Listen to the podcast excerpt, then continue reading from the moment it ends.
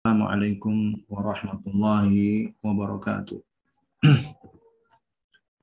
Alhamdulillahi wahdah.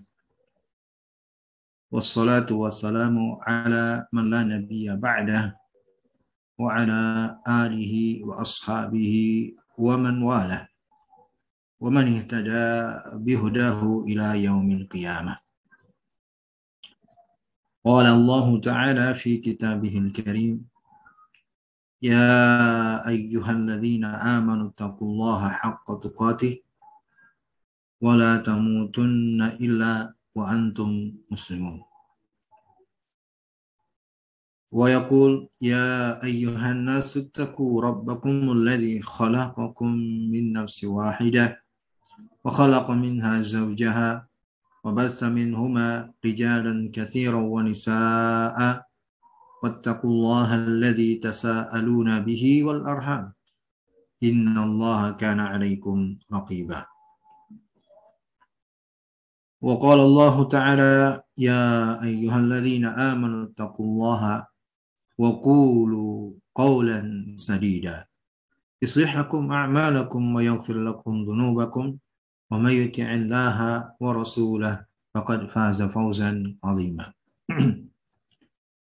Hadirin para peserta kajian rahimani wa rahimakumullah. Alhamdulillah kita bersyukur kepada Allah atas segala kebaikan yang kita jumpai. Apakah berupa kelapangan dada atau berupa sehatnya fisik atau batin kita. Sehat lahir dan batin.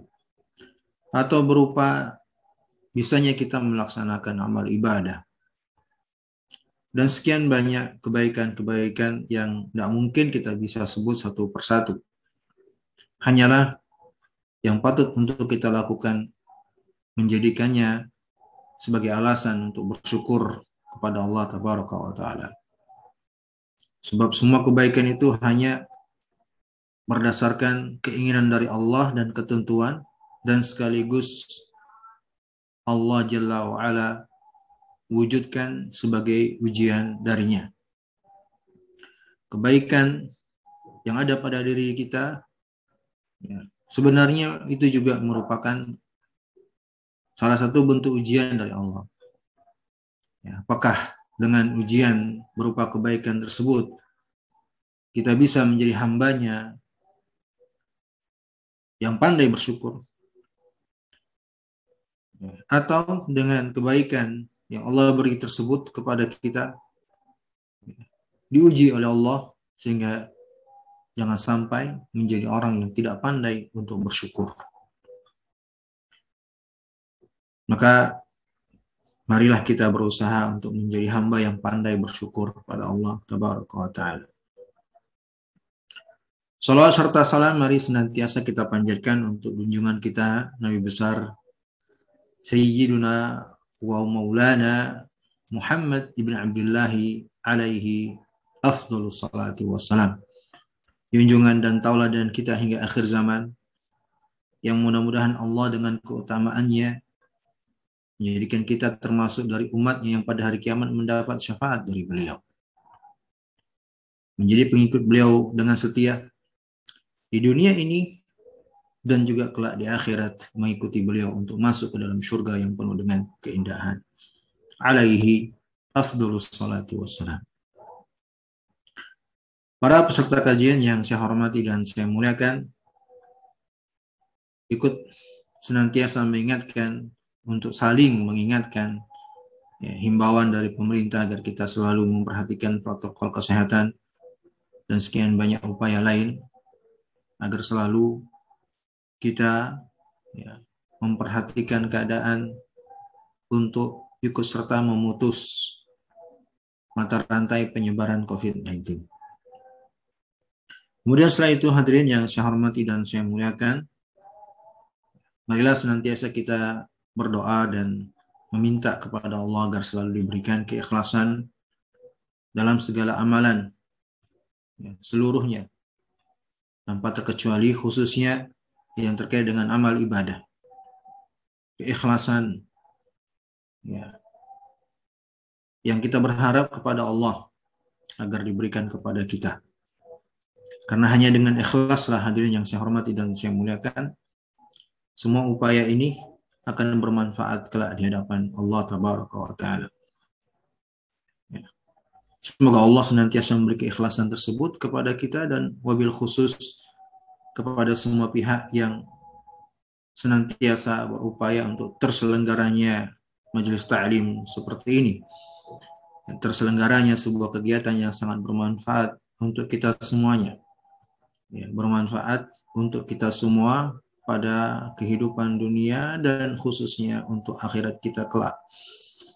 Inilah sebuah kemanfaatan yang sangat besar. Maka sungguh sangat besar balasan bagi pihak yang telah berkontribusi terselenggaranya kegiatan majelis ta'lim seperti ini. Dan sungguh hanya dengan keikhlasanlah, ya, hanya dengan keikhlasanlah semua upaya tersebut akan bermanfaat pada hari yang Allah sebut dalam Al-Quran, yaumun la yanfa'u malun wala banun. Hari yang pada saat itu tidak bermanfaat harta benda dan anak keturunan. Tidak ada manfaat selain itu. Ya, selain keikhlasan hanyalah amalan yang didasari dengan keikhlasan lah yang akan bermanfaat. Maka mudah-mudahan Allah berikan keikhlasan tersebut pada setiap upaya, usaha, keletihan, pikiran, ide, dan saran, dan semua hal yang telah dikontribusikan untuk terselenggaranya kegiatan majelis taklim yang sungguh sangat bermanfaat ini. Bagaimana tidak bermanfaat hadirin yang saya hormati dan saya muliakan. Majelis yang kita belajar di dalamnya bagaimana cara beribadah kepada Allah tabaraka wa taala. Kalau seandainya hanya dengan melihat ini saja maka cukuplah itu kita katakan manfaat yang sangat besar dengan kegiatan ini. Karena sungguh Allah ciptakan kita dengan sekian banyak keadaan dan peristiwa yang kita jumpai yaitu di antara tujuan Allah tabaraka wa taala ya, menciptakan itu semua adalah agar kita bisa berupaya untuk mewujudkan amalan yang terbaik. Untuk mewujudkan amalan yang terbaik. Dan baiknya amalan ya, tidak akan mungkin bisa kita wujudkan kecuali dengan hidayah dari Allah, kemudian dengan ilmu yang kita pelajari. Tidak akan bisa kita mewujudkan amalan yang terbaik. Itulah yang Allah inginkan. Alladhi khalaqal mauta wal hayata liyabluwakum ayyukum ahsanu amala. Dia yang menciptakan berbagai macam bentuk peristiwa hidup dan mati bagi kalian untuk menguji bagi kalian. Siapa di antara kalian yang terbaik amalannya? Yang terbaik amalannya. Maka mudah-mudahan hadirin yang saya hormati, apa yang kita pelajari ini bisa mewujudkan ini. Membuat amalan kita makin hari makin baik.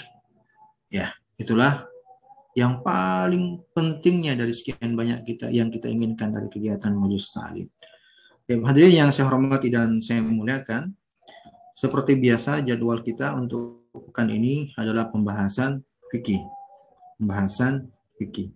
Namun sebelum seperti biasa masuk ke dalam pembahasan, saya ingin kita review ya, mengulang apa yang pernah didapatkan.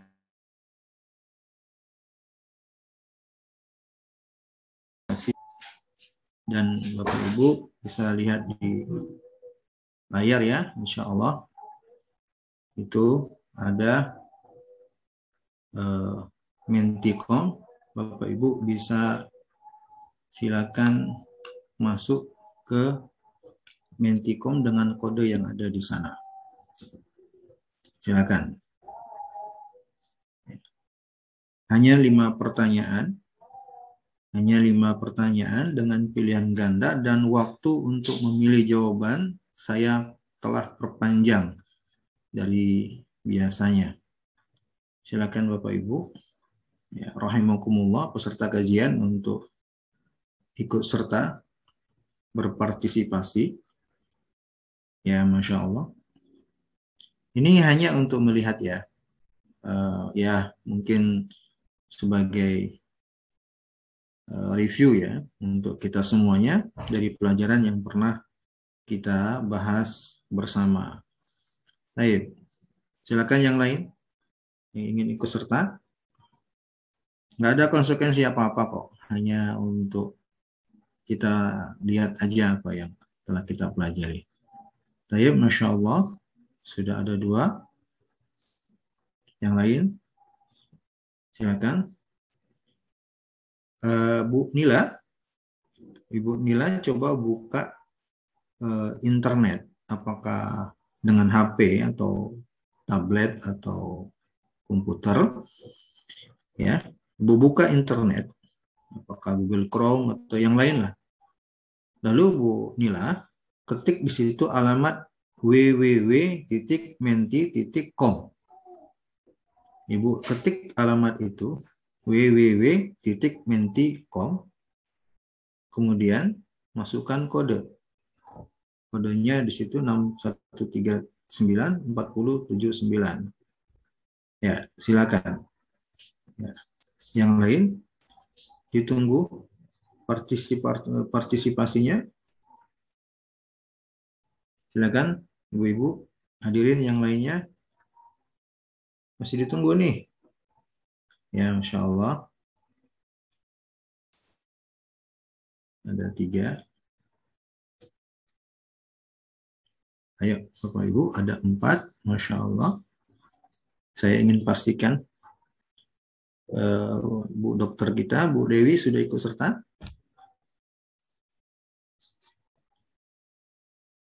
Bu Dokter Dewi udah udah ikut tes tes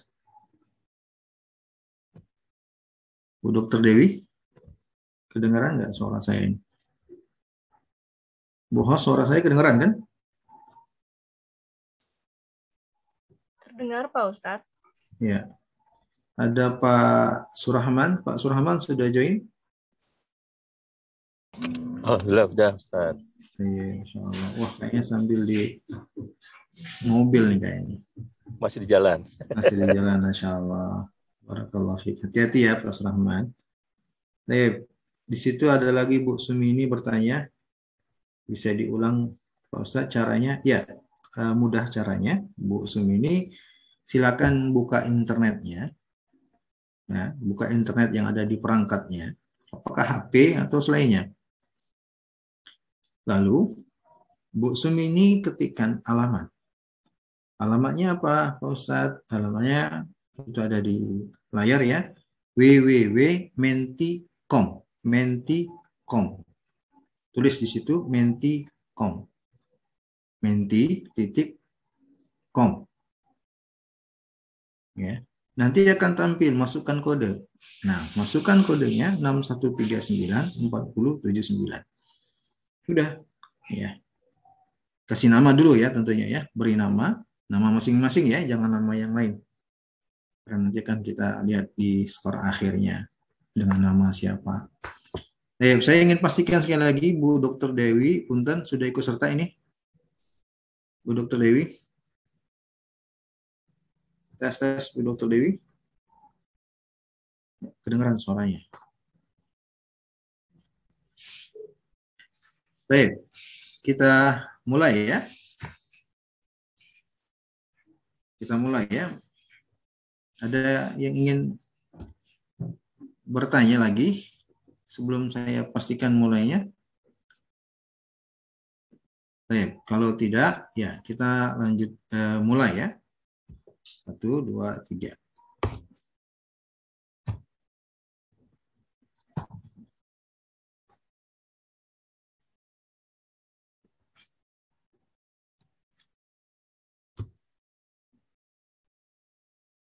Bapak Ibu, silakan perhatikan layar, baca pertanyaan. Najis harus dibersihkan dari tiga hal, yaitu silakan pilih salah satu jawabannya.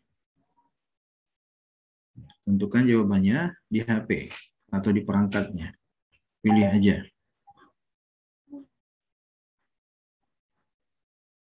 Najis harus dibersihkan dari tiga hal. Ya, Insya Allah semuanya sudah jawab. Ya, Hmm. Jawaban, jawaban yang benar Itu yang C ya. Jawaban yang benar adalah yang C. Ya, adapun yang A itu bukan yang dibersihkan darinya najis akan tapi barometer ya benda ini suci atau terkena najis ya. Suci atau juga ikut najis. Ya, diukur dengan tiga itu. Kayak barakallahu fikum. Masih ada kesempatan yang lain. Kita pindah ke soal yang nomor dua bapak ibu. Silakan diperhatikan layarnya. Nomor dua perhatikan layarnya. Minuman kopi dalam segelas cangkir bisakah dipakai untuk berwudu? Minuman kopi dalam segelas cangkir bisakah dipakai untuk berwudu? Silakan dipilih jawabannya A, B, atau C. A, B, atau C. Masya Allah, semuanya sudah jawab dan semuanya tepat jawabannya. Masya Allah, barakallahu fikum. Tidak bisa ya, karena termasuk air suci, namun tidak menyucikan. Ya, Masya Allah. Kita berpindah ke soal yang nomor tiga. Ya. Silakan diperhatikan pertanyaannya di layar. Secara umum, semua air sisa minum itu suci kecuali. Secara umum, semua air sisa minum itu suci kecuali Silakan dipilih A, B, atau C. Ya, A, B, atau C. Ya, Masya Allah semua sudah jawab dan jawaban semuanya tepat. Yang A, sisa air minum anjing dan babi. Masya Allah, barakallahu fikum. Kita berpindah ke soal yang nomor 4. Ya, silakan diperhatikan pertanyaannya, dicermati dengan baik. Penggunaan bejana yang dilarang itu apabila penggunaan bejana yang dilarang itu apabila silakan dipilih jawaban yang tepat A, B atau C. Ya.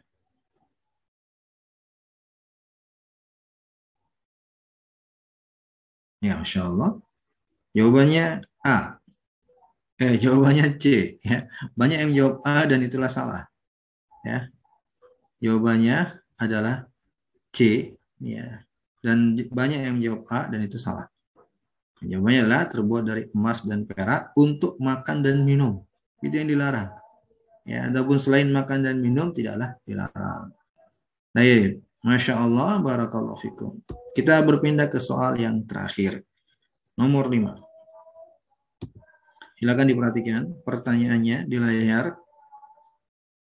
Nabi terangkan bahwa orang yang makan dan minum dengan wadah dari perak itu titik titik titik.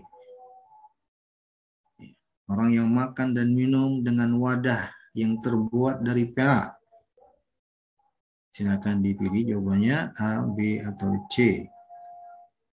Ya, Masya Allah semua telah menjawab dan ya Jawabannya A ya. Yang tepat ya api neraka jahanam di perutnya. Masya Allah, barakallahu fikum. Inilah uh, quiz kita. Dan kita lihat leaderboardnya dan yang paling besar mendapatkan poin adalah Sekretariat Rumah Sakit Permata. Masya Allah, barakallahu fikum. Ya, Masya Allah, selamat untuk sekretariat. Berarti admin ya. Ini admin ya, Masya Allah. Terima kasih Ustaz. Ya, sama-sama.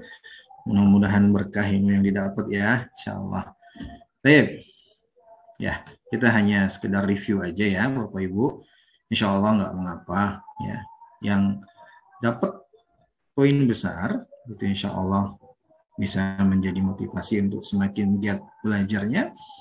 Dan yang mungkin tidak mendapat poin besar untuk kesempatan hari ini, tetaplah masih ada peluang kok untuk selalu memperhatikan pelajaran, mengamati, mencermati. Ya, mudah-mudahan di kesempatan yang lain insya Allah bisa dengan hasil yang lebih besar insya Allah. Ya, kita lanjutkan pelajaran untuk hari ini. Hukum-hukum buang hajat. Bisa dilihat di layar. Yang akan kita bahas di tema ini tentang apa saja yang wajib dilakukan di saat buang hajat, apa saja yang haram dilakukan di saat buang hajat, apa saja yang dianjurkan saat buang hajat, dan apa saja yang dimakruhkan. Jadi akan kita bahas empat hukum terkait dengan buang hajat. Yang pertama ya yang wajib, yang haram, yang kedua haram, yang ketiga yang dianjurkan, yang keempat yang dimakruhkan. Terkait dengan buang hajat. Ada empat hukum yang harus kita ketahui. Kemudian juga nanti akan dibahas tentang definisi istinja dan istijmar dan juga hikmah ya dari istinja dan istijmar dan yang terakhir kita akan bahas tentang syarat-syarat benda yang boleh digunakan untuk istijmar. Ya, syarat-syarat ya, benda yang dibolehkan digunakan untuk istijmar. Baik, kita bahas pembahasan sesuai dengan buku. Kata penulis, Pembahasan yang pertama, apa saja yang hukumnya wajib untuk kita lakukan di saat buang hajat. Ya. Apa-apa yang wajib, ya, kalau dikatakan wajib berarti berdosa kalau ditinggalkan dengan sengaja. Ya, harus kita lakukan. Kalau ditinggalin dengan sengaja, dosa. Ya, itu makna wajib. Yang pertama, menutup aurat dari pandangan orang lain tentunya saat buang hajat menutup aurat ya, dari pandangan orang lain saat buang hajat. Hal ini berdasarkan sabda Nabi SAW, Satru ma bain a'yunil jinni wa awrati bani Adam ila dakhala ahaduhumul khala ay yaqula bismillah. Penutup mata, ya, penutup pandangan jin terhadap auratnya Bani Adam, manusia, di saat mereka masuk ke tempat buang hajat adalah tatkala mereka baca bismillah. Ya. Nah, ini hadirin yang saya mulakan eh, rahimani wa rahimakumullah adab yang pertama dan ini hukumnya wajib membaca bismillah setiap kita buka pakaian. Karena dalam hadis disebut ilahnya bahwa ini dalam rangka menutup pandangan jin dari kita. Sehingga karena alasannya itu Hal ini disyariatkan di setiap kita buka baju. Karena jin adalah makhluk yang ada di setiap tempat dan kita tidak melihatnya. Ya. Di dalam kamar mandi atau WC lebih ditekankan lagi. Yaitu membaca bismillah setiap kita buka baju kita. Jangan lupa Bapak Ibu yang saya hormati dan saya muliakan. Ya, bukan hanya di dalam WC, bukan hanya di dalam kamar mandi. WC, kamar mandi itu sama aja ya. Ya, walaupun disebut dengan istilah yang beda-beda ya, ada mirhat, madhab, khusus, ada kanif, bahasa Indonesia ada WC, kamar mandi, toilet, dan seterusnya. Yang di tempat itu kita pasti buka aurat. Sebelum, sebelum buka pakaian, baca Bismillah. Dan cukup dengan lafaz Bismillah. Mungkin ada yang bertanya, dan saya tambahkan di sini, bagaimana kalau sudah di dalam WC, Ustaz? Baca Bismillahnya bagaimana? Memang zikir itu pada asalnya dilafatkan, dijaharkan ya dengan ukuran ya sekiranya kita yang mengucapkan bisa mendengar sendiri, menggerakkan lisan dan kita bisa mendengar sendiri ya lafaznya. Itulah yang diinginkan dengan zikir bismillah. Tidak, tidak perlu juga terlalu keras ya. Itu pada asalnya, tapi kalau berada di dalam WC, para ulama menjelaskan dan juga ini dari uh, Imam Ikrimah dinukil oleh Imam Ibnu Munzir dalam Al-Usad kata beliau ya la yadhkurullaha wa huwa 'alal khala bilisani walakin biqalbi. Kalau di dalam WC kata Imam Ikrimah jangan dia menyebut nama Allah dengan lidah atau lisan bersuara, enggak, tapi dalam hati. Bismillahnya dalam hati kalau sudah terlanjur di dalam WC. Ya. Baik, sekali lagi hadirin peserta kajian yang saya hormati dan saya muliakan karena Adab yang pertama ini disebut alasannya oleh Nabi, yaitu dalam rangka menutup pandangan jin terhadap aurat kita, sehingga syariat ini bersifat umum. Sebab jin kan ada di mana-mana. Ya, jin kan ada di mana-mana yang kita tidak bisa melihat. Oleh karena itu, ya di dalam WC atau di luar WC, kalau kita ingin buka pakaian, membuka pakaian yang akan terbuka aurat kita, bacalah bismillah terlebih dahulu. Ya, bacalah bismillah terlebih dahulu. Ya. Ini ya dalam rangka menjaga pandangan jin. Sekali lagi Bapak Ibu yang saya hormati dan saya muliakan, bacaan bismillah tersebut akan menjadi penutup aurat kita dengan izin Allah Jalla dari pandangan jin. Sehingga dengan demikian juga poin pertama ya disyariatkan untuk menjaga pandangan orang lain ya untuk kita tutup aurat kita nggak boleh memperlihatkannya kepada orang lain kecuali pasangan suami atau istri apalagi di luar sana ya wala haula wala quwata illa billah ya sebagian tempat ya WC-nya dibuat ya dan membuat atau berpotensi orang lain bisa melihat aurat yang lain. Nah, ini tidak dibenarkan dalam syariat ya. Baik. Ini wajib.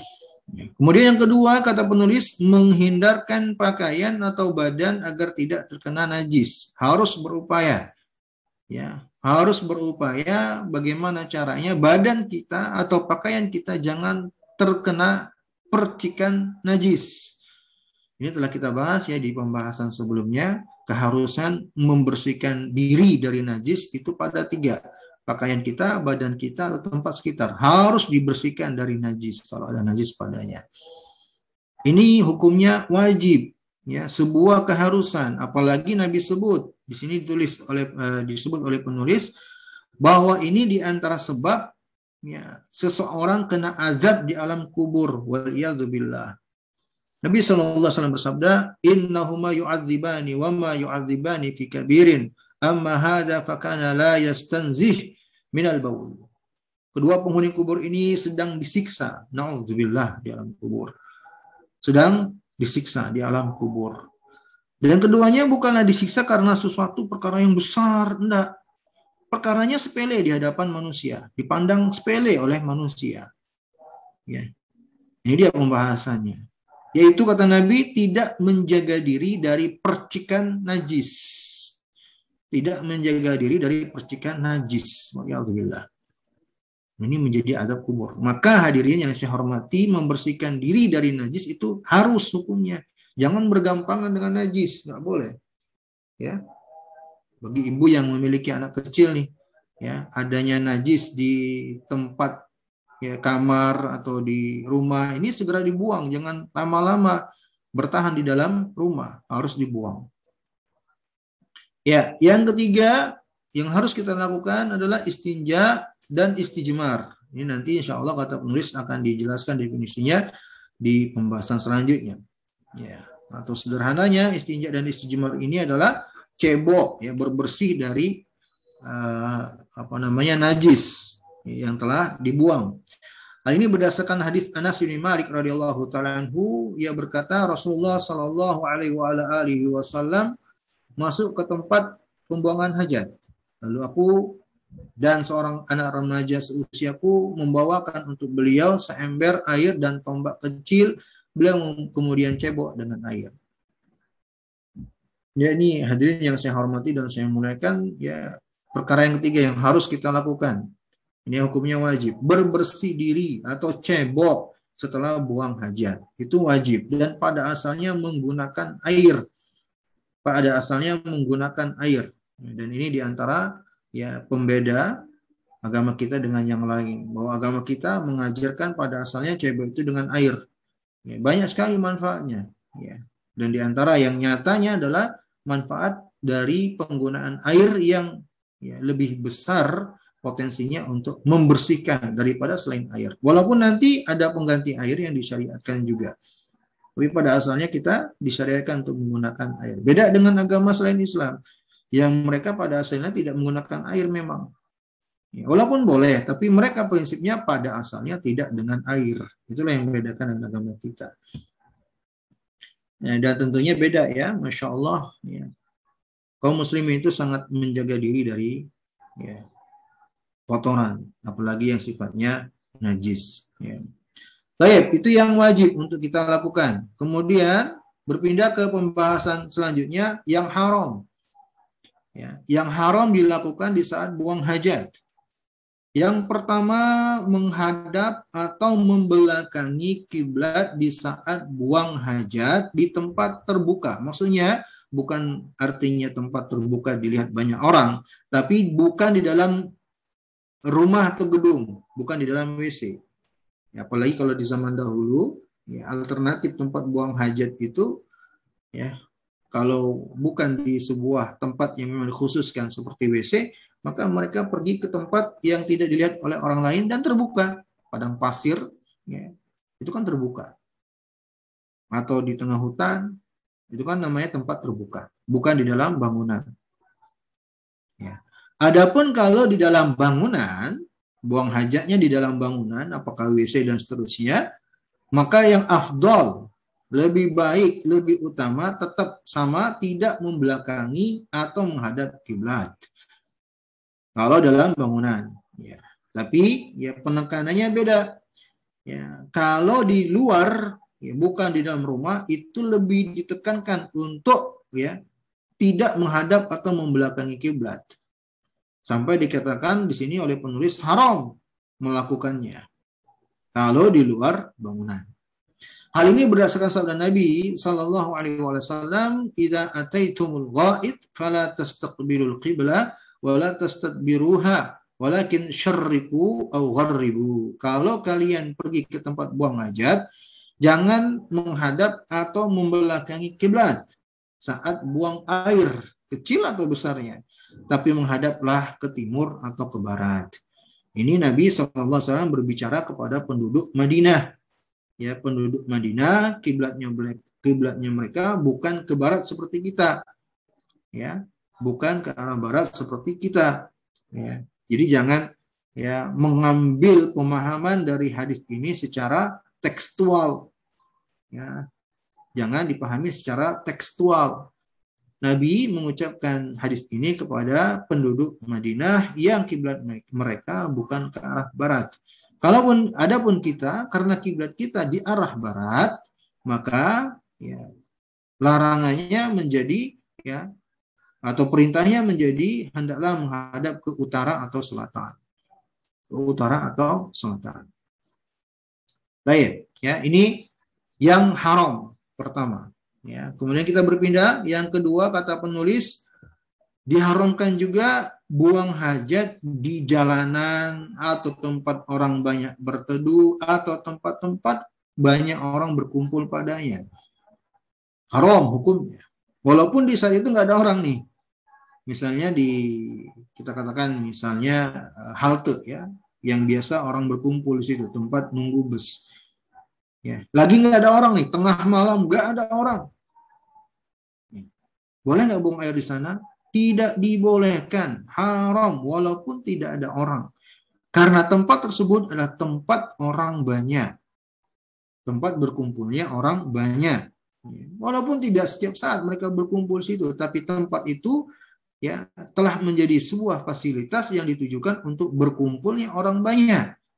Maka kalau demikian tidak dibenarkan dijadikan sebagai tempat untuk buang hajat. Bahkan Nabi dengan tegas, perhatikan dalam hadis ittaqul la'ani la'anaini qalu wa ma la'anan ya Rasulullah qala alladhi yatakhalla bi tariqin nas aw fi dhillihim Jauhkanlah diri kalian dari dua hal yang kalian bisa dilaknat karenanya.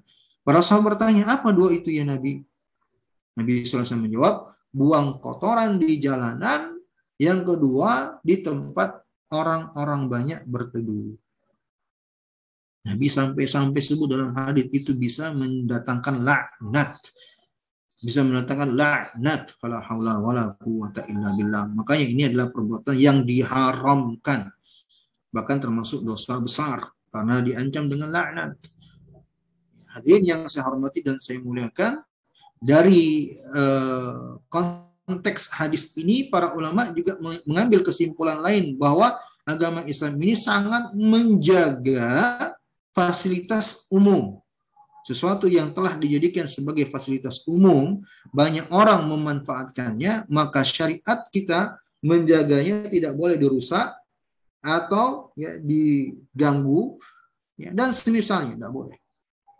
Ya, dari sebatas ini saja kita bisa katakan bahwa ajaran-ajaran yang menyandarkan dirinya kepada Islam tapi ternyata merusak fasilitas umum itu adalah perbuatan yang sangat bertentangan dengan agama kita. Ya, sangat bertentangan dengan agama kita. Karena agama kita mengajarkan untuk menjaga fasilitas umum, tidak boleh diganggu, tidak boleh dirusak. T. Yang ketiga, kata penulis, haram juga hukumnya kencing di air yang menggenang, yang tidak mengalir. Misalnya telaga untuk mandi, ya, telaga untuk mandi, air yang menggenang, ya. Ini hadirin yang saya hormati dan saya muliakan juga diharamkan untuk buang air padanya. Termasuklah kolam yang ada di rumah, mungkin Bapak Ibu sebagian ada kolam di rumahnya, tidak boleh buang air di situ. Ya, Nabi Shallallahu Alaihi Wasallam bersabda, "La yabulanna ahadukum fil ma'id daim, thumma yagtasil min." Tidak boleh salah seorang di antara kalian buang air di air yang menggenang, ya, tertampung, lalu ia mandi dengan air tersebut. Tidak boleh. Ya, dan ini juga hukumnya haram. Ya, tidak boleh buang air di kolam. Ya. Kemudian yang keempat, termasuk juga yang diharamkan, masuk ke kamar mandi dengan membawa mushaf atau ya Al-Qur'an. Ya, tidak boleh masuk ke kamar mandi membawa sesuatu yang mengandung zikrullah, apalagi berupa bentuknya mushaf. Hadirin yang saya hormati dan saya muliakan. Tidak boleh, ya. Baik. Mushaf ini ya, yang paling utamanya untuk dilarang tentunya. Ya, tapi bukan hanya musab, bisa bersifat umum. Semua yang padanya mengandung zikir penyebutan nama Allah, ya, atau hadis Nabi Shallallahu Alaihi Wasallam yang mengandung atau yang uh, terdapat padanya kemuliaan dalam syariat atau syiar agama. Gak boleh dibawa masuk ke kamar mandi. Makanya Nabi Shallallahu Alaihi Wasallam itu kalau masuk kamar mandi senantiasa melepas cincin beliau sebelum masuk. Kenapa? Karena cincin beliau di dalamnya uh, di mata cincinnya adalah tertulis kalimat zikir la ilaha illallah Muhammadur Rasulullah. Ya. Jadi tidak boleh nih membawa sesuatu yang mengandung zikrullah ke dalam kamar mandi. Di sini ditambahkan oleh penulis ya. Uh, poin yang ketiga tadi, keharaman buang air di air yang menggenang.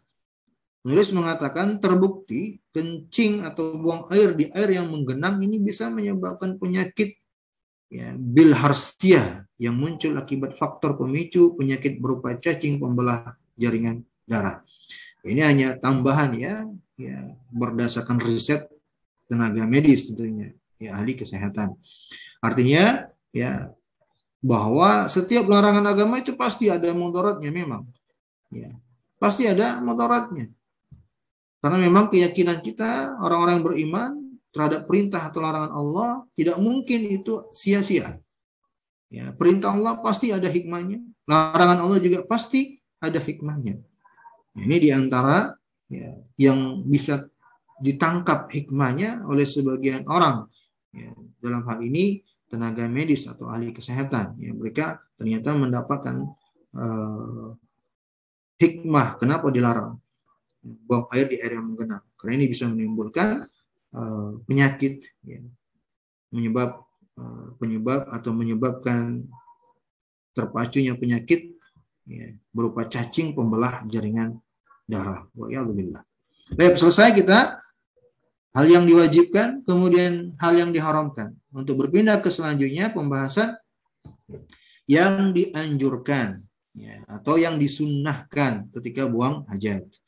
Kalau tadi yang diwajibkan, kemudian yang diharamkan, sekarang yang dianjurkan. Kalau yang dianjurkan apa? Ya dilakukan bagus, enggak tidak mengapa. Kalau yang haram tadi apa? Dilakukan berdosa, harus bertaubat, ya, ya. Dan jika ditinggalkan dapat pahala. Kalau yang dianjurkan atau sunnah dikerjakan mendapat pahala, bila tidak maka tidak mengapa. Yang pertama menjauhkan orang-orang saat buang hajat di tempat terbuka menjauh dari orang-orang ya menjauh dari orang-orang di saat buang air atau buang hajat di tempat terbuka. Ini beda dengan yang tadi ya. Kalau poin sebelumnya terkait dengan pandangan orang. Kalau ini menjauhi orang, artinya walaupun eh, orang-orang uh, tidak melihatnya, walaupun orang-orang yang tidak melihatnya, tetaplah dianjurkan untuk menjauhi orang-orang di saat buang hajat. Apalagi di zaman dahulu ya, di zaman dahulu kan eh, kalau keluar atau safar di tengah perjalanan itu kan uh, susah untuk mendapatkan tempat buang hajat yang dikhususkan seperti zaman kita. Kalau zaman kita kan gampang ya, insya Allah di setiap perjalanan ada rest area atau selainnya yang menyediakan tempat buang hajat atau WC umum. Kalau zaman dahulu susah. Ya. Baik, maka dianjurkan untuk menjauhi orang-orang. Walaupun orang-orang tidak melihat. Yang kedua, kata penulis yang juga dianjurkan saat masuk kamar mandi membaca doa. Saat masuk kamar mandi membaca doa. Apa doanya? Allahumma inni a'udzubika minal khubuthi wal khaba'ith. Ya Allah, aku berlindung kepadamu dari syaitan-syaitan jantan dan syaitan-syaitan betina. Ini doanya sebelum masuk kamar mandi. Ya, doa ini dibaca sebelum masuk ya. Sebelum masuk. Ya. Dari hadis ini juga terdapat pelajaran bahwa syaitan itu ada jantan, ada betinanya. Na'udzubillahi minhum. Kita berlindung kepada Allah dari mereka dan dari segala godaan mereka. Faedah yang lain juga bahwa WC atau tempat-tempat sejenisnya untuk buang hajat dan semisalnya adalah tempat-tempat yang banyak syaitan di dalamnya. Makanya Nabi perintahkan kita berlindung kepada Allah darinya. Bukankah syaitan itu kan bertebaran tuh di mana-mana ya? Di sekitar kita pada saat ini mungkin juga ada. Ya. Bertebaran. Kenapa tidak kita membaca doa ini di setiap tempat? Hanya ketika masuk kamar mandi. Ini menunjukkan bahwa di kamar mandi itu lebih banyak syaitannya. Ya. Makanya para ulama mengatakan bahwa WC itu adalah tempat yang paling disukai untuk para syaitan berkumpul. Ya. Makanya kita ya berlindung kepada Allah dari mereka. Kemudian terkait dengan doa, ketika Nabi mengajarkan doa dengan lafaz Allahumma inni a'udzu bika minal khubuthi wal khaba'ith. Hendaknya kita hafalkan bersama dan amalkan ya. Bahwa doa ini adalah salah satu dari tiga doa. Ternyata saya tambahkan oleh para ulama ya ada beberapa riwayat tambahan lafaz Ya, jadi ada tiga nih doanya. Yang pertama membaca Bismillah. Ini berdasarkan hadis hadis yang disahihkan uh, oleh para ulama sesuai dengan syarat Imam Muslim. Wa Nabi alaihi wasallam "Idza dakhaltumu al-khala" ya. Fakulu bismillah. Kalau kalian masuk WC, bacalah bismillah. Maka doa yang pertama membaca bismillah. Doa yang kedua ini dia hadisnya, Allahumma inni a'udzubika minal khubuthi wal khaba'ith. Dan yang ketiga menggabungkan keduanya. Bismillahi Allahumma inni a'udzubika minal khubuthi wal khaba'ith. Tiga. Silakan pilih mana dari yang dianjurkan tersebut untuk kita baca. Bismillah saja boleh. Atau doa ini saja Allahumma inni a'udzubika minal khubuthi wal khaba'ith saja boleh atau menggabungkan keduanya juga bagus. Bismillah, Allahumma inni a'udzubika minal khubuthi wal khaba'ith. Kemudian hadirin yang saya muliakan, ya kita berlindung kepada Allah dari syaitan jantan dan betina. Dan khususnya berlindung kepada Allah dari bentuk eh, dari gangguan mereka dengan berbagai macam bentuknya.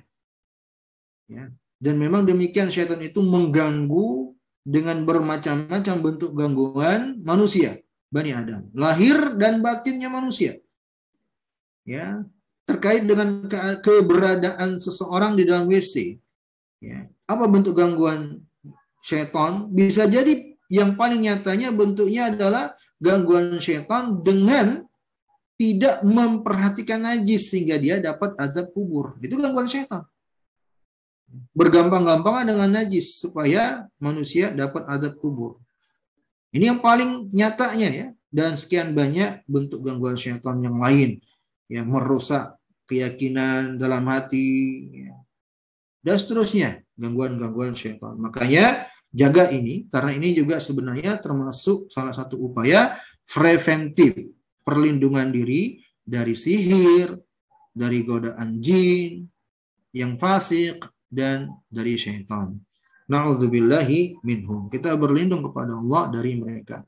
Kemudian yang dianjurkan selanjutnya, yang ketiga mendahulukan kaki kiri saat masuk kamar mandi dan mendahulukan kaki kanan saat keluar dari kamar mandi. Itu ada ilustrasi gambarnya ya kaki kanan dan kaki kiri. Kaki kiri ketika keluar, kaki kanan eh kaki kanan ketika keluar, kaki kiri ketika masuk. Nah, ini ya berkebalikan dengan masuk masjid ya. Kalau masuk masjid ya kanan dulu, keluar kaki kiri. Kemudian yang keempat dianjurkan juga ketika keluar membaca doa gufronaka Gufronaka. Kalau keluar pendek, cuma kalimat gufronaka yang artinya aku harap ampunanmu. Ya, aku harap ampunanmu. Tapi hadirin yang saya muliakan terkait dengan poin yang keempat, doa ketika keluar membaca gufronaka. Ini doa dibaca di saat keluar dari WC. Kira-kira apa kolerasinya? Doanya meminta ampunan dari Allah dibaca di saat keluar WC. Apa kolerasinya? Kata Imam Nawawi dalam syarah Al-Muhazzab ya dan juga Imam As-Suyuti ya, mereka berkata mereka mengatakan bahwa doa ini yang dibaca ketika keluar dari WC ya di antara maknanya ya saya katakan dari Imam Ibn Arabi ya dan selainnya ya dari para ulama ya Dikatakan bahwa kalimat permohonan ampunan kepada Allah ini diucapkan ketika keluar dari WC, selesai dari buang hajat atau keperluan lain dalam WC seperti mandi dan seterusnya sebagai wujud taubat kepada Allah dan pengakuan akan kelemahan diri kepada Allah. Ya taubat dan pengakuan kelemahan diri kepada Allah. Sebab tatkala kita di dalam WC, hadirin yang saya hormati dan saya muliakan, kita sangat rentan dengan godaan syaitan, lahir dan batin, ya, sangat rentan dengan godaan syaitan. Maka kita bertaubat kepada Allah, jangan sampai kita ya ada eh, keadaan yang mengikuti godaan syaitan, ya, dan kita juga mengakui kelemahan diri kepada Allah, ya tidak ada daya dan upaya kecuali dari Allah. Maka doanya ghufranaka baik kita lanjutkan.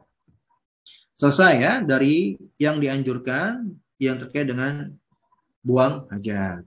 Saya tambahkan di sini sebelum berpindah ke pembahasan yang makruh kata penulis ya. Saya tambahkan sedikit tentang hal yang dianjurkan ketika buang hajat yaitu ya dianjurkannya duduk ketika buang air kecil duduk ketika buang air kecil.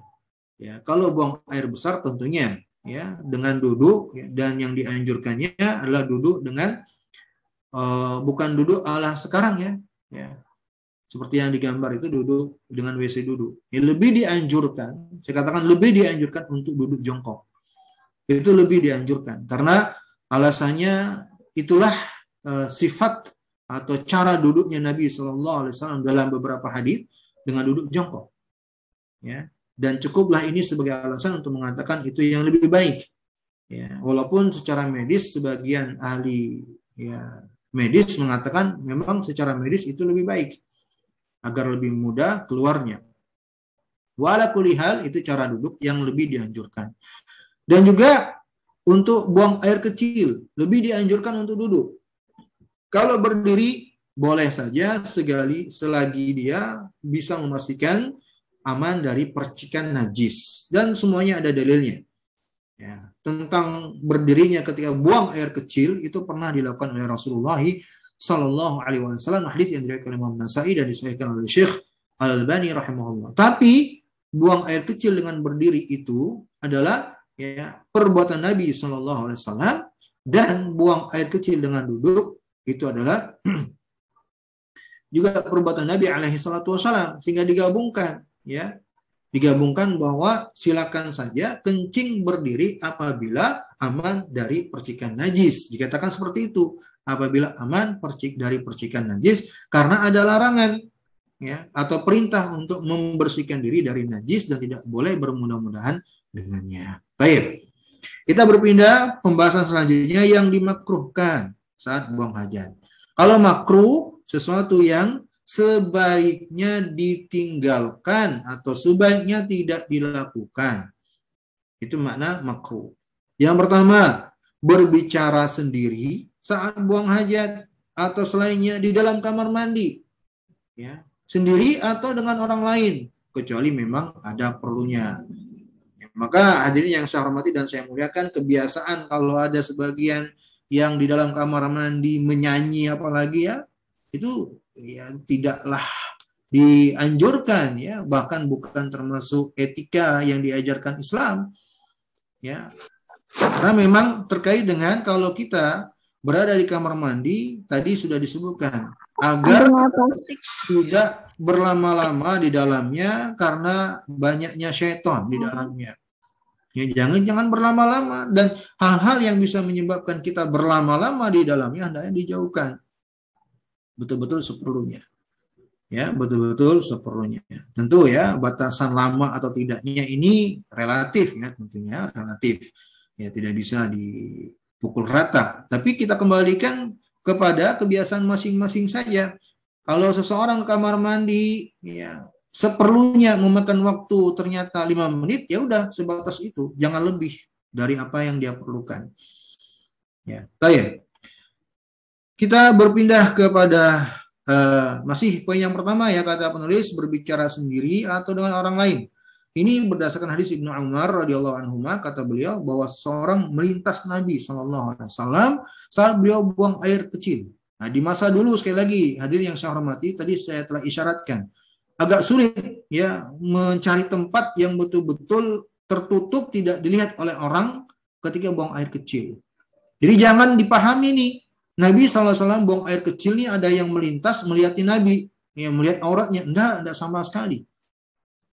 Tidak sama sekali. Ya. Kalau dahulu kan tidak ada WC umum dan semisalnya. Jadi wajar aja nih dari kejauhan kelihatan. Lalu orang tersebut memberi salam kepada Nabi dari kejauhan. Assalamualaikum. Kata Ibnu Umar, Nabi Shallallahu Alaihi Wasallam tidak menjawab salam orang tersebut. Nabi nggak menjawab salamnya hadirin. Nabi tidak menjawab salam orang tersebut. Ini hadis ya diriwayatkan oleh Imam Muslim dalam sahihnya. Ya. Perhatikan. Nabi tidak menjawab salam. Padahal menjawab salam itu hukumnya apa? Wajib. Menjawab salam itu hukumnya wajib, berdosa kalau ditinggalkan dengan sengaja. Tapi karena kondisinya sedang buang air, Nabi tidak menjawab salam tersebut yang didengar oleh yang lain. Ya. Itulah kesimpulan yang tepat dalam hal ini. Ya, para ulama menjelaskan beliau tetap menjawab tapi di dalam hati. Ini tadi telah kita anjurkan ya, uh, telah kita jelaskan, isyaratkan bahwa zikir kepada Allah dalam kondisi seperti ini, apalagi dalam WC itu jangan disebut atau diperdengarkan, tapi dalam hati. Nah, ini dia di antara dalilnya. Nabi pasti menjawab, tidak mungkin beliau sengaja melakukan dosa dengan tidak menjawab salam, kan dosa. Beliau jawab tapi di dalam hati. Kemudian juga ini menunjukkan betapa ditekankannya untuk tidak berbicara ketika buang air. Ya, untuk menjawab untuk menjawab salam saja tidak dilakukan Nabi, apalagi selain menjawab salam. Apalagi menyanyi-nyanyi misalnya. Sambil bernendang ya, bersenandung ya, dengan suara yang keras didengar oleh seisi rumah misalnya lebih-lebih lagi untuk tidak dianjurkan hal seperti itu. Kalau menjawab salam saja tidak dianjurkan, apalagi selainnya. Baik, yang kedua yang juga dimakruhkan ya membawa sesuatu berisi nama Allah kecuali jika khawatir dicuri atau semacamnya. Ya, kecuali jika khawatir dicuri atau semacamnya. Misalnya di tempat umum nih di terminal, di loket, di bandara, di airport, ya tentunya di situ banyak orang. Kalau ditinggalkan ini bisa hilang, ya khawatirnya potensinya memang seperti itu, maka jangan dibawa ke dalam. Ya, tape. Kemudian yang ketiga, menyentuh kemaluan, ya. Apakah kalau istinja atau istijmar atau dengan ringkasnya cebok dengan tangan kanan Ya, ini juga dimakruhkan, menyentuh kemaluan dengan tangan kanan. Ya, sebab pada asalnya tangan kanan ini adalah organ-organ tubuh yang Allah ciptakan untuk sesuatu yang mengandung kemuliaan dan keutamaan.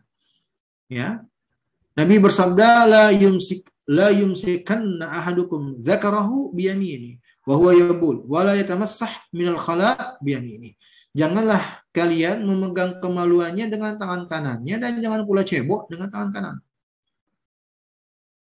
Artinya yang dianjurkan kalau ada hajatnya untuk memegang kemaluan di saat ingin membersihkannya atau apalagi cebok itu menggunakan tangan kiri. Dari sinilah juga dapat faedah hadirin ya makan dan minum itu jangan tangan kiri. Ya, makan dan minum itu jangan dengan tangan kiri tapi dengan tangan kanan. Sebab tangan kiri itu Nabi terangkan dalam hadis ini. Ya, fungsinya untuk cebok. Ya, tentunya ya makan dan minum adalah keadaan yang mulia. Jangan disamakan dengan cebok. Yang keempat kata penulis kencing di dalam liang ataupun lubang agar ia tidak diganggu hewan atau agar ia tidak mengganggu hewan di dalamnya. Ini kalau berada di luar rumah ya tentunya ya berada di luar rumah harus diperhatikan dulu tempatnya ada lubang atau tidak. Kalau ada lubang jangan buang air di situ sebab ya bisa jadi dan memang demikian pada umumnya lubang tersebut adalah sarang hewan. Bahkan dalam hadis itu sarangnya jin. Makanya Nabi Shallallahu Alaihi Wasallam melarang naha ayub ayyubal fil hujur. Qila liqatada fama bal al hujur qal yuqal innaha masakinul jin. Ya, Nabi SAW melarang buang air kecil di lubang-lubang kecil. Ya, kemudian ditanyakan kepada Qatada, apa maksudnya? Kenapa dilarang? Kata beliau, sebab itulah tempat tinggalnya jin. Ya, tentunya mereka juga ya makhluk yang tidak boleh diganggu dan tidak boleh mengganggu yang lain. Ya sebagaimana kita ya tidak mau diganggu jangan pula mengganggu yang lain. Baik, kita lanjutkan. Di sini ditambahkan oleh penulis tentang buang air atau kencing berdiri. Nabi SAW melarang kencing dengan berdiri. Namun jika dipastikan air kencing tidak menciprat, hukumnya boleh berdasarkan hadis Uzaifah radhiyallahu anhu yang berkata Rasulullah SAW menghampiri tempat pembuangan kotoran lalu kencing dengan berdiri. Kalau memang dipastikan aman dari percikan air. Dan ini sama ya untuk laki-laki atau perempuan karena sifatnya umum. Tidak ada dalil khusus ini terkait laki-laki saja. Tidak. Sama laki-laki atau perempuan. Silakan. Yang paling utamanya dengan duduk ya kalau ingin berdiri pastikan dulu aman dari percikan air. Baik, kita masuk ke pembahasan selanjutnya ini sekalian ya tentang istinja atau istijmar. Istinja dan istijmar ini Bapak Ibu peserta kajian yang saya muliakan adalah ya istilah lain untuk cebok setelah buang air besar. Kalau istinja cebok menggunakan air, kalau istijmar cebok menggunakan selain air. Apakah batu, tisu, dan semua yang bisa menyerap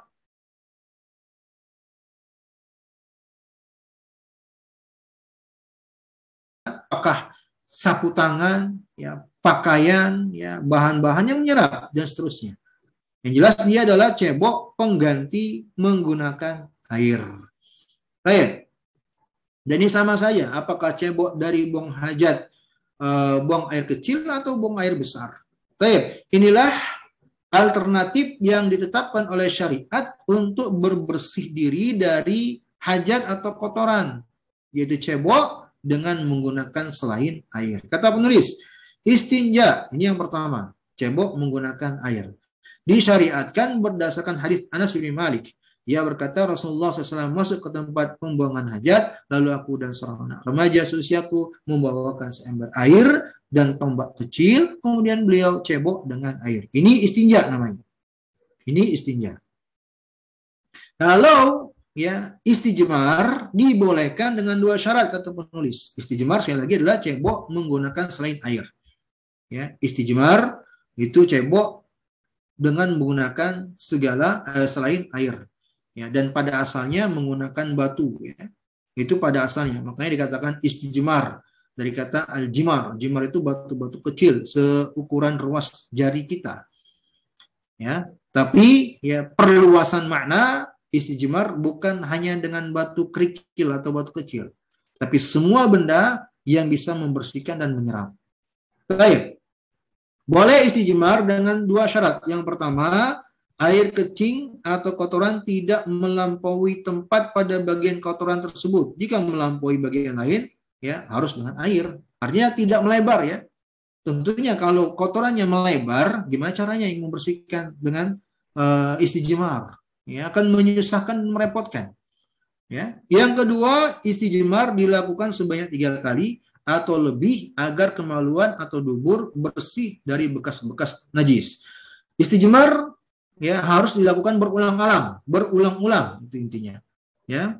Sebab dia beda dengan air ya. Kalau air kan insya Allah bisa lebih diyakini lebih membersihkannya. Kalau istijmar ini harus berulang-ulang. Apa hikmah syariat ini? Kata penulis, yang pertama membersihkan badan dan menghilangkan najis tentunya itu di antara tujuannya. Yang kedua bersih dan jauh dari segala sebab penyakit. Ya. Faidah. Istinja kata penulis tidak dilakukan setelah keluar angin ya. Buang air tentunya tidak dilakukan ya, cebok tidak ada cebok dari buang angin. Yang kedua istinja lebih dari istijmar, lebih baik dari istijmar. Cebok dengan air itu lebih baik dari istijmar. Tapi ini adalah alternatif yang ditetapkan oleh syariat dan kita butuhkan. Apalagi Bapak Ibu yang mungkin sering safar ya menggunakan pesawat apalagi. Ini sangat dibutuhkan. Apalagi kalau singgah di tempat-tempat yang di situ memang biasanya tidak menggunakan air. Maka kita akan dapatkan WC nggak ada airnya. Kecuali di klosetnya aja. Bukan untuk berbersih. Nah, ini kan butuh pembahasan ini ya syariat menjadikan itu memang sebagai alternatif kalau nggak ada air ya tentunya jadi asalnya air kalau nggak ada baru istijmar ya bagaimana batasannya dibahas oleh agama kita ada ketentuan-ketentuannya nah di sini di antaranya syarat-syarat benda yang boleh digunakan untuk istijmar yang pertama mesti bersih ya nggak boleh kalau kotor apalagi benda najis yang kedua benda tersebut mubah ya nggak boleh istijmar dengan benda yang sifatnya haram yang ketiga ya dengan media yang bisa membersihkan. Ya, yang keempat ya tidak. Nah, ini larangannya. Benda-benda yang nggak boleh dipakai untuk istijmar, ya, tulang atau kotoran. Mungkinkah istijmar dengan kotoran sehingga disebut di sini? Hadirin yang saya muliakan, ini syariat ditetapkan di zaman Nabi dan para sahabat yang di saat itu.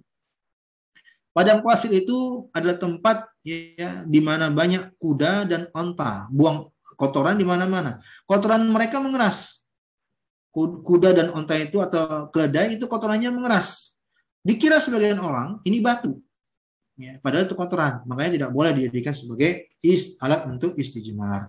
Jadi melarang dalam hadis Salman al-Farisi. Ya, beliau melarang beristinja dengan kurang dari tiga batu, beristinja dengan kotoran atau tulang. Ya. Kemudian yang kelima, syaratnya tidak berupa sesuatu yang dimuliakan. Nah, ini sesuatu yang dimuliakan dalam anggapan manusia. Ya, dalam kebiasaan hidup manusia. Di sini diberi contoh ya, sesuatu yang berupa makanan, kertas-kertas yang berisi tulisan yang dimuliakan. Dan ini sebatas e, ini hanya contoh ya, bukan membatasi. Ya, kaidahnya semua yang dianggap mulia oleh kebanyakan manusia maka nggak boleh dijadikan alat sebagai untuk istijmar. Nggak boleh ya dianggap eh, dipakai untuk istijmar. Ya, tidak boleh. Uang misalnya, uang kertas, oh nggak boleh itu dimuliakan oleh manusia. Ya, apalagi misalnya lembaran-lembaran yang di dalamnya ada ilmu, ya, ilmu agama apalagi dan seterusnya. Ya, pada intinya apabila sesuatu dimuliakan oleh manusia tidak boleh dijadikan sebagai alat untuk istijmar. Ya, tinggallah pada umumnya sebagaimana kita maklumi bersama adanya tisu ya tisu basah tisu kering nah ini untuk istijmar. Itu istijmar ya teranggap sebagai istijmar. Dan tadi telah disinggung ya bahwa istijmar itu ya bukan alternatif ya sebenarnya. Dia pilihan. Kalaupun ada air boleh aja dengan istijmar. Ya. kalaupun ada air boleh aja dengan istijmar. Ya dan para ulama sebagian menganjurkan dua-duanya. Ya. Sebab Nabi istijmar bukan karena tidak ada air, tapi sebagai alternatif. Ya. Pilihan lain maksudnya, bukan karenanya darurat tidak ada air ya. Jadi pilihan, silakan aja mau istijmar. Tapi tentunya yang lebih baik adalah dengan air. Alasannya yang pertama itulah yang pada asalnya Nabi lakukan dan juga yang sering Nabi lakukan dan juga yang lebih membersihkan. Tapi kalau ada istijmar, silakan saja. Penulis memberikan contoh lain, ya benda-benda yang boleh digunakan untuk istijmar. Saya katakan contoh, ya batu bersih, tisu, kertas bersih, kain, ya. Baik, ini di antara media-media yang bisa digunakan untuk istijmar. Lalu penulis mengakhiri dengan sebuah pelajaran, kata beliau, beristinja atau cebok dengan tangan kanan. Tidak boleh ya, tidak boleh cebok dengan tangan kanan berdasarkan sabda Nabi SAW. La yumsikanna ahadukum zakarahu biyamini wa wala yatanassah minal khala biyamini. Janganlah di antara kalian megang kemaluannya dengan tangan kanan di saat dibutuhkan ya. Dan jangan pula beristinja dengan tangan kanan atau cebok dengan tangan kanan. Di sini diriwayatkan oleh Imam Muslim. Taib. Inilah pembahasan kita untuk pertemuan kali ini. Mohon maaf telah melewati waktu karena tadi memang saya targetnya selesaikan pembahasan sampai di sini. Sekali lagi saya mohon maaf ya, mudah-mudahan peserta kajian ya, bisa melapangkan dadanya atas hal ini. Kemudian ya kita ambil kesimpulan bahwa pelajaran hari ini tentang hal-hal yang dianjurkan, yang diwajibkan, dimakruhkan, dan diharamkan terkait dengan buang hajat. Mudah-mudahan apa yang kita pelajari ini ya Allah berikan taufik kepada kita yang dengannya membuat amalan kita lebih baik, agama kita semakin baik, ya makin hari makin baik. Allah taala alam bisawab. Saya cukupkan sampai di sini. Atafi bihadam qadar wa akhiru da'wana alhamdulillah. Saya serahkan kepada host.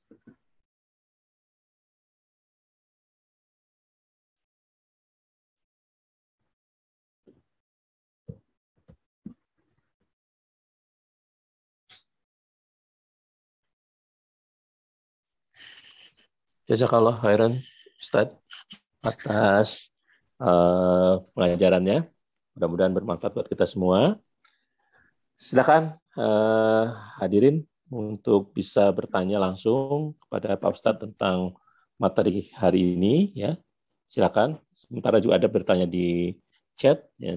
Silakan saya beri kesempatan dulu untuk yang ingin bertanya langsung. Saya mau bertanya langsung Dokter Surahman. Silakan, Dokter Nurul. Iya. Assalamualaikum warahmatullahi wabarakatuh, Pak Ustadz dan semua teman-teman.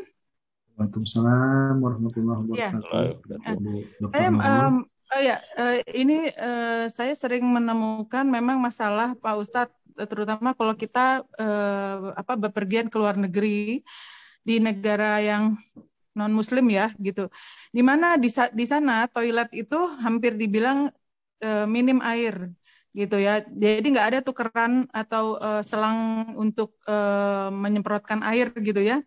Uh, kalau di Indonesia kan rata-rata toilet duduk, tapi uh, kita ada ada selang yang buat semprot air. Jadi kita ber, apa istinja lebih mudah dan rasanya lebih lebih nyaman ya Pak Ustadz karena bersih yeah. gitu kan. Yeah. Tapi kalau misalnya di luar negeri itu uh, minim sekali air. Jadi air itu hanya ada ketika kita flush uh, toilet gitu ya. Yeah. Kita habis buang air kecil, buang air besar, kita flush baru ada air gitu. Yeah. Uh, di, yang disediakan sama uh, biasanya di tempat toilet-toilet mereka itu ada hanyalah tisu gitu. Terus terang kalau ini saya nih maksudnya tisu kan nggak nggak terlalu nyaman ya, apalagi kalau cuma kalau sampai kita harus buang hajat, buang air besar gitu kan, kayaknya masih belum bersih betul ya Pak Ustadz karena terbiasa dengan air dan dengan sabun gitu. Uh, boleh nggak misalnya gini Pak Ustadz, jadi tisu itu saya biasanya saya mengantisipasi, mengantisipasinya kalau misalnya saya sedang juga tidak bawa air mineral buat membasahi tisu, uh, kan saya flush dulu beberapa kali sampai airnya jadi uh, yakin bahwa airnya itu bersih. Kemudian uh, tisu yang ada di situ saya basah basahi dengan air yang ada di lubang toilet gitu. Tapi itu kan sudah air bersih. Nah, itulah yang saya pakai untuk membersihkan atau beristinja tersebut. Nah, itu boleh nggak Pak Ustadz gitu? Kan itu kan dari lubang tempat najis sebetulnya tapi saya uh, sudah flash dulu beberapa kali supaya air itu relatif lebih bersih ya gitu tidak kena najis dari yang sebelum-sebelumnya. Cuman tisu itu saya basahi dengan air yang ada di ruang tersebut, baru saya beristinja dengan itu, uh, kemudian sampai bersih, uh, kemudian baru dilap lagi sampai kering gitu. Ya. Itu bagaimana Pak Ustadz? Kan air dari sumbernya dari toilet eh, tempat najis, tapi air itu udah bersih sih gitu. Ya, ya, saya paham. Ya, ya, ya. Ya, masya Allah. Bismillah, alhamdulillah, wassalatu wassalamu ala rasulillah wa ala alihi wa ashabihi wa Ya, kita berpindah ke sesi tanya jawab dan pertanyaan pertama ini sangat menarik ya karena memang terus terang secara pribadi saya juga pernah mengalaminya Ya, saya dulu pernah uh, transit di Hong Kong ya. Dan sama persis ya di tempat yang tidak ada airnya di semua kamar mandi ya tidak ada yeah. air kecuali hanya di klosetnya itu aja dan yeah. untuk flashnya itu tadi. Tapi yeah. uh, pertama kalau yang diinginkan dengan air tersebut yang ada di Eh, kloset tersebut, insya Allah secara zahir, insya Allah secara zahir, artinya secara kasat mata, dan juga berdasarkan ilmu dan pembahasan yang telah kita bahas dari jenis-jenis air ya, itu juga patokan kita, bisa kita pastikan air tersebut adalah air yang suci. Ya, air tersebut adalah yang suci. Pertama, sifatnya kita bisa lihat kan jernih, bersih, tidak ada bau ini dan itu. Ini ini di antara indikasi air tersebut adalah air suci. Yang kedua dia datang dari tempat atas, ya kan? dari tempat hmm. atas selang-selang di atas di kloset itu, bukan dari bawah. Dan memang fungsi utamanya untuk membersihkan. Tentunya hmm. kalau fungsinya air mem untuk membersihkan, pastilah airnya juga air yang bersih. Ya, sehingga kalau kita berpegang bahwa ini adalah air suci, Sebenarnya kalau memang bisa kita gunakan, silakan digunakan. Dan itu yang saya lihat di beberapa uh, waktu itu, waktu saya ke Hong Kong itu, beberapa jamaah yang saya bimbing, waktu itu kita umroh transit di sana. Ya ngakalinya seperti itu. Dia cerita ke saya. Dan saya bilang, ya bagus kalau memang bisa diakali seperti itu. Jadi dia gunakan di tempat air minum kosong, aqua, dia bawa ke kamar mandi, dia isi dengan air itu. Hmm. Karena kan memang tidak ada keran. Nggak ada iya, keran sama mandi. Cuma ada di situ aja air. Jadi hmm. dia dia dia nyalain flashnya itu untuk mengisi botolnya. Dapat penuh. Nanti itu cebok.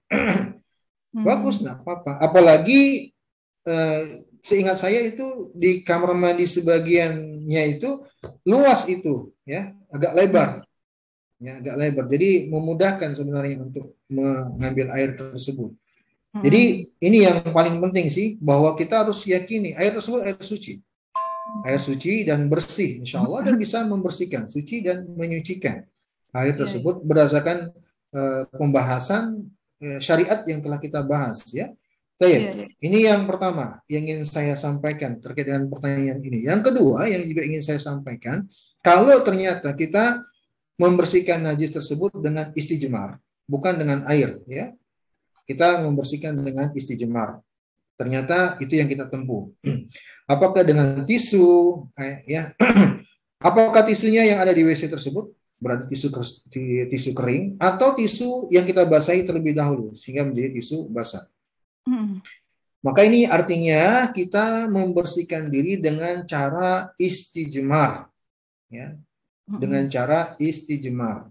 Nah, dalam pembahasan lebih jauh, membersihkan diri dengan cara istijmar itu bisa dipastikan, kata para ulama di antaranya Syekhul Islam Ibnu Taimiyah dan selain beliau, bisa dipastikan najisnya tidaklah 100% bersih seperti berbersih diri dengan istinja atau dengan air. Ya. Itu bisa dipastikan. Karena beda, ya.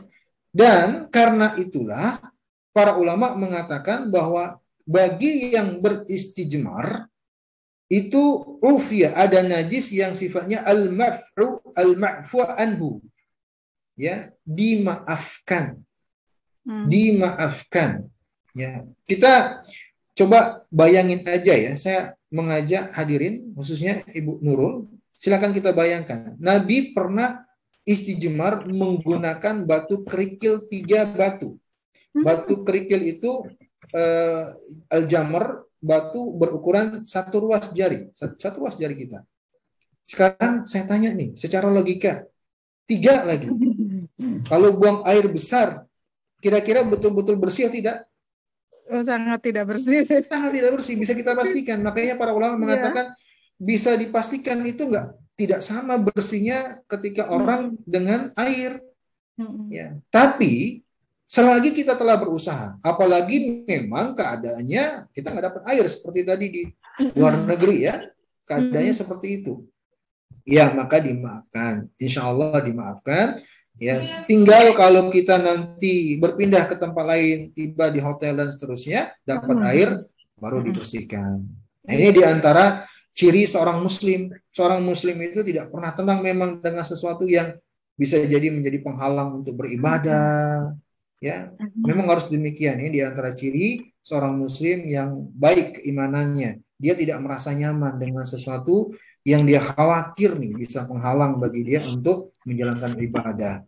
Ya, mudah-mudahan itu di antara tanda Allah memberikan taufik kepada seseorang ya ketika dia merasa tidak merasa uh, nyaman dengan hal-hal yang bisa menghalangi ibadahnya. Wallahu taala alam bisawab. Ini jawaban dari saya mudah-mudahan bisa ya. dipahami Bu Dokter ya. Nurul. Ya. Iya, terima kasih banyak Pak Ustadz. Ya. Baik, ya. Jelas ya. Jadi uh, pertanyaan tadi Mungkin ada lagi yang lain yang bertanya sebelum saya membacakan yang di chat. Silakan yang mau bertanya langsung. Ada lagi? Kalau tidak, saya bacakan dulu tanya di chat ya, Ustaz ya. Ya. Jadi ini ini intinya gini, Ustaz. Jadi di kamar mandi ternyata kepleset, kemudian bilang Allahu Akbar dan kemudian selanjutnya istighfar ya. Jadi membuat dapat nama Allah di kamar mandi tapi nggak sengaja nih Ustaz istilahnya kan. Gimana tuh Ustaz? Boleh nggak? Ya, Gimana lalu? Ya ada yang lucu lagi.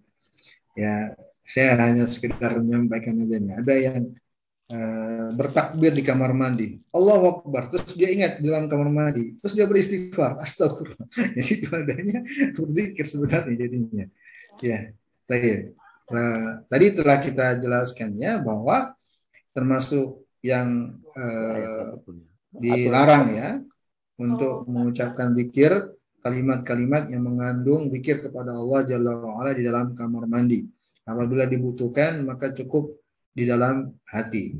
Adapun pertanyaan di sini sepertinya eh, disebabkan karena ketidaksengajaan ya sebabnya adalah ketidaksengajaan ya. Seperti yang ditulis dalam pertanyaan spontan ya menyebutkan kalimat itu. Nah, ini menunjukkan bahwa itu dilakukan karena ketidaksengajaan. Ya semua perbuatan yang uh, ketidaksengajaan menjadi sebabnya itu dimaafkan diampuni. Ya Rabbana la tu'akhidna in nasina au akhtana.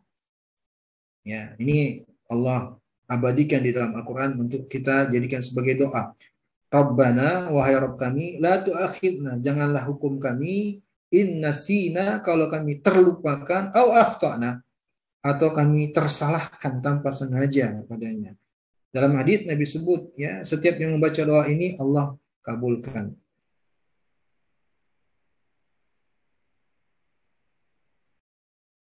maka insya Allah Ta'ala tidak mengapa.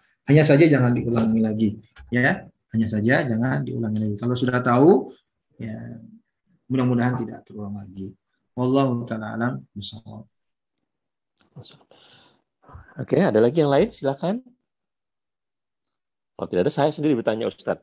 Ini mungkin mem memastikan saja Ustadz. Jadi uh, selama ini saya dengarnya bahwa kencing berdiri itu haram ya. Tapi ternyata tadi ada ya, apa dari uh, sahabat Huzaifah mengatakan selama meyakini bahwa itu tidak terpecik boleh saja dengan ada salah satu hadisnya Nabi juga pernah melakukan itu gitu. Itu pada saat Ustaz. Saya pengen mendapat ketegasan aja tentang hal ini. Ya, saya tampilkan sekali lagi dalilnya ya.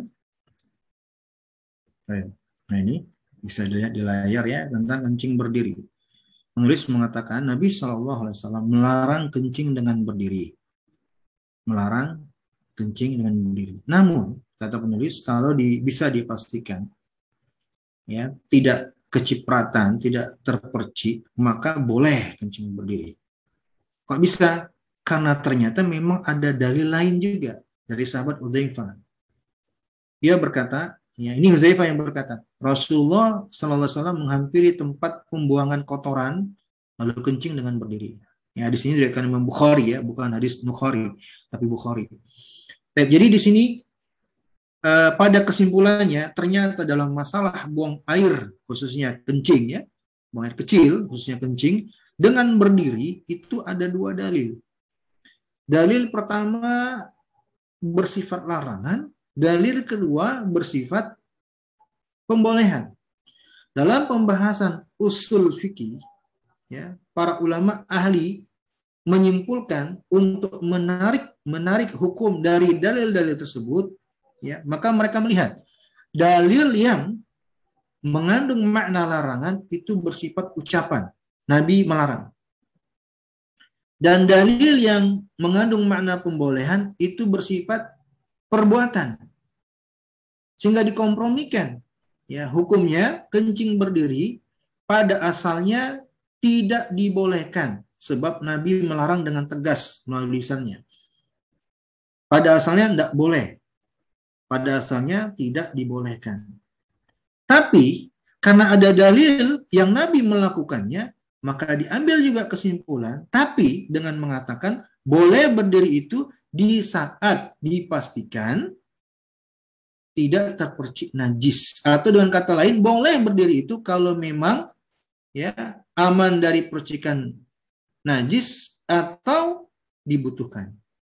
Seperti dalam hadis yang datang dari sahabat Udzaifah ini, beliau melihat ya Nabi kencing berdiri sallallahu alaihi wasallam. Lihat, perhatikan kata Udzaifah, tempatnya di mana? Di pembuangan kotoran.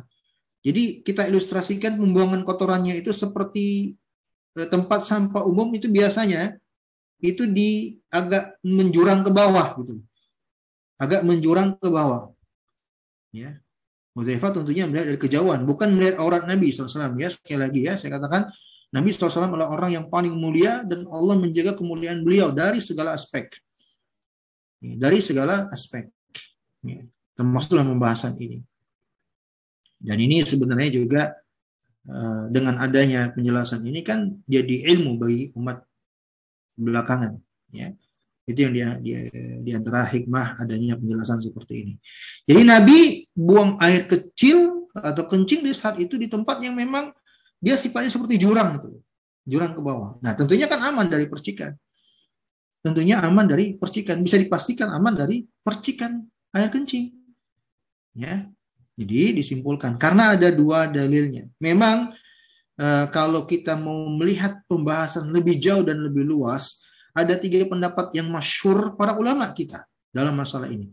Yang pertama mengatakan boleh secara mutlak, ada yang mengatakan makruh ya untuk berdiri dan ada yang mengatakan haram seperti yang pernah didapat oleh Pak Surahman tadi. Memang ada pendapat para ulama seperti itu. Ya. Tapi kita katakan kalau ada yang mengatakan haram untuk pendapat yang mengatakan haram, ya hadis Hudzaifah radhiyallahu taala ini ya akan terabaikan. Ya, tidak ada faedahnya. Padahal di sini hadisnya sahih. Jadi kalau memang Al-Bukhari. Memang di antara sisi pendalilan juga para ulama yang mengatakan dilarangnya itu bahwa hadis ini bersifat khususiyah bagi Nabi katanya. Khususiyah bagi Nabi, khusus bagi Nabi saja. Tapi dijawab oleh para ulama bahwa kekhususan sesuatu itu kalau dikatakan khusus bagi Nabi SAW harus ada dalilnya juga.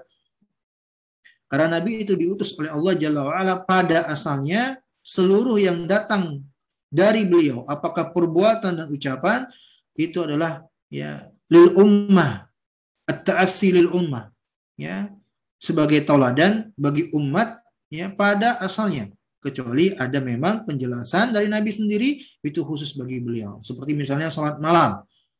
Bagi Nabi itu hukumnya wajib. Nabi terangkan sendiri dengan lisan beliau jadi pada asalnya yang datang dari Nabi itu berlaku bagi umat secara umum seluruhnya ya sebagai contoh bagi mereka tanpa ada pengecualian kecuali memang ya ada dalil yang menjelaskan itu khusus bagi Nabi. Nah sekarang pembahasannya kencing berdiri.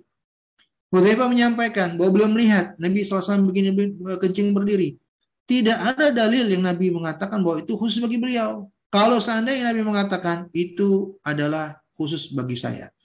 Atau seandainya kita pahami itu khusus bagi Nabi, maka konsekuensinya harus ada dalil. Harus ada dalil. Yang Nabi sendiri menjelaskan itu. Ya, menjelaskan hal tersebut khusus bagi beliau. Tapi karena tidak ada dalilnya, maka dipahami dengan umum. Ini juga bagi umat. Akan tetapi hanya saja ya pendalilan yang bersifat lisan dari Nabi itu lebih didahulukan. Makanya kesimpulannya pada asalnya kencing itu duduk, tidak berdiri pada asalnya. Ya. Kecuali kalau aman dari percikan, ya dipastikan aman dari percikan, silakan dengan berdiri. Wallahu taala alam bisa. Mudah-mudahan bisa dipahami ya Pak Sulaiman. Ya, jazakallah. Ya.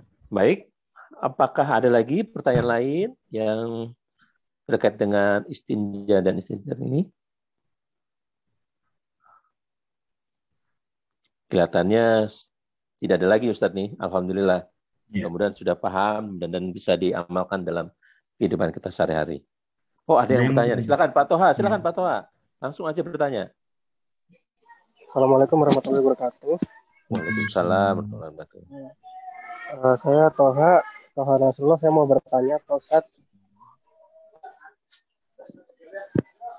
Uh, kalau kita sedang di mall itu Pak Ustadz kan uh, ada tempat toiletnya berdiri untuk toiletnya berdiri. Nah itu kan kadang ada yang ada tutupannya yang bawahnya, kadang ada yang enggak Pak Ustadz.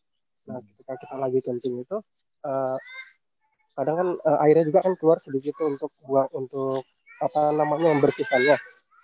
Nah kadang setelah kita selesai kadang seperti udah pakai celana nih seperti terasa ada yang keluar lagi gitu Pak Ustadz gitu. Uh, hukumnya gimana Pak Ustadz ya? Ya.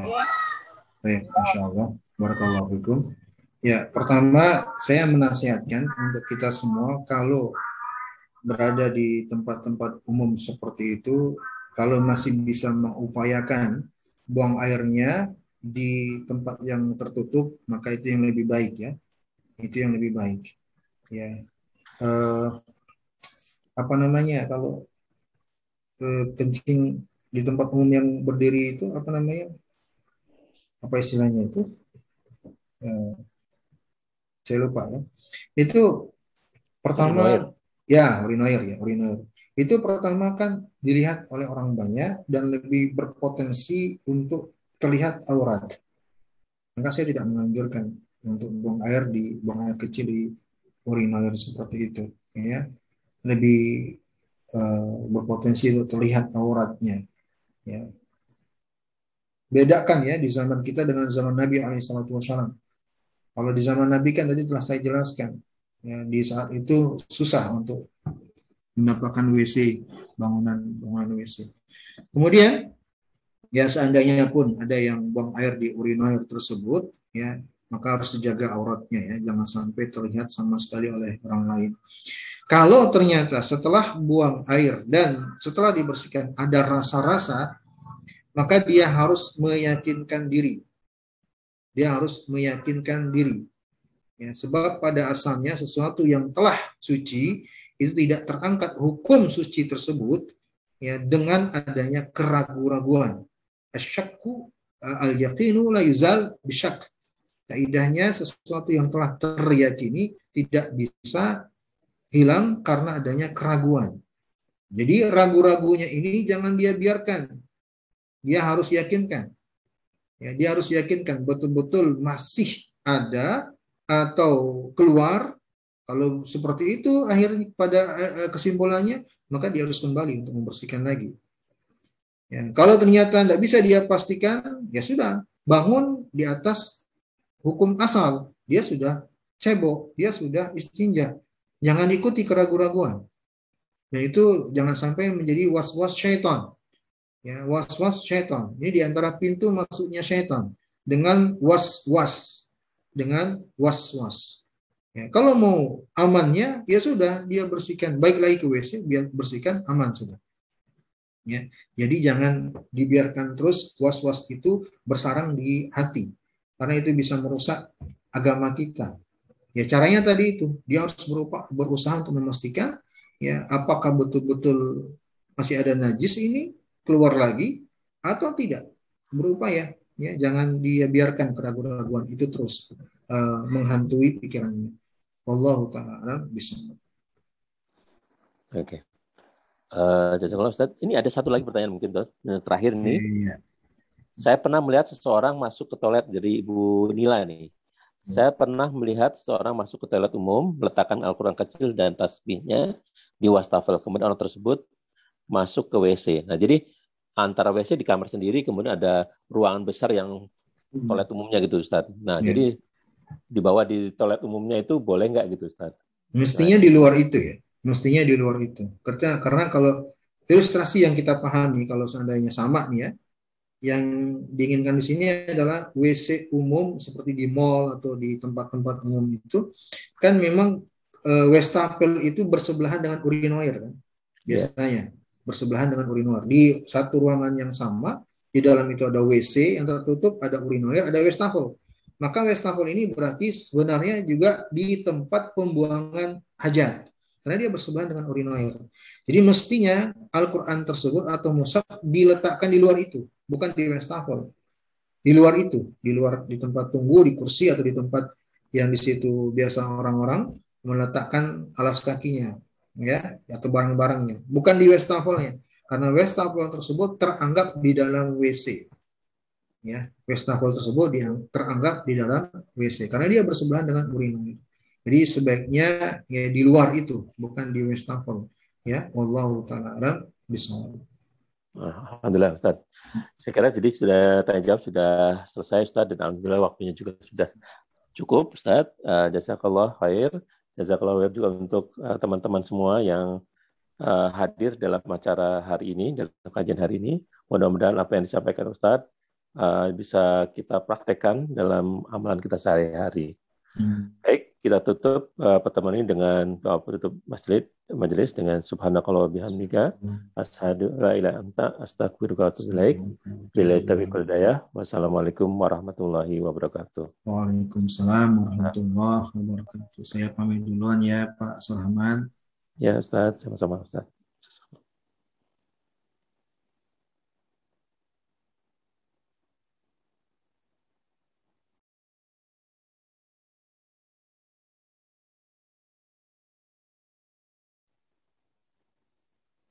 Oke. Jazakumul khairan untuk semuanya. Insya Allah semua sehat. Mudah-mudahan semua uh, sehat semua. Dilindungi Allah Subhanahu wa taala. Assalamualaikum warahmatullahi wabarakatuh. Waalaikumsalam warahmatullahi wabarakatuh.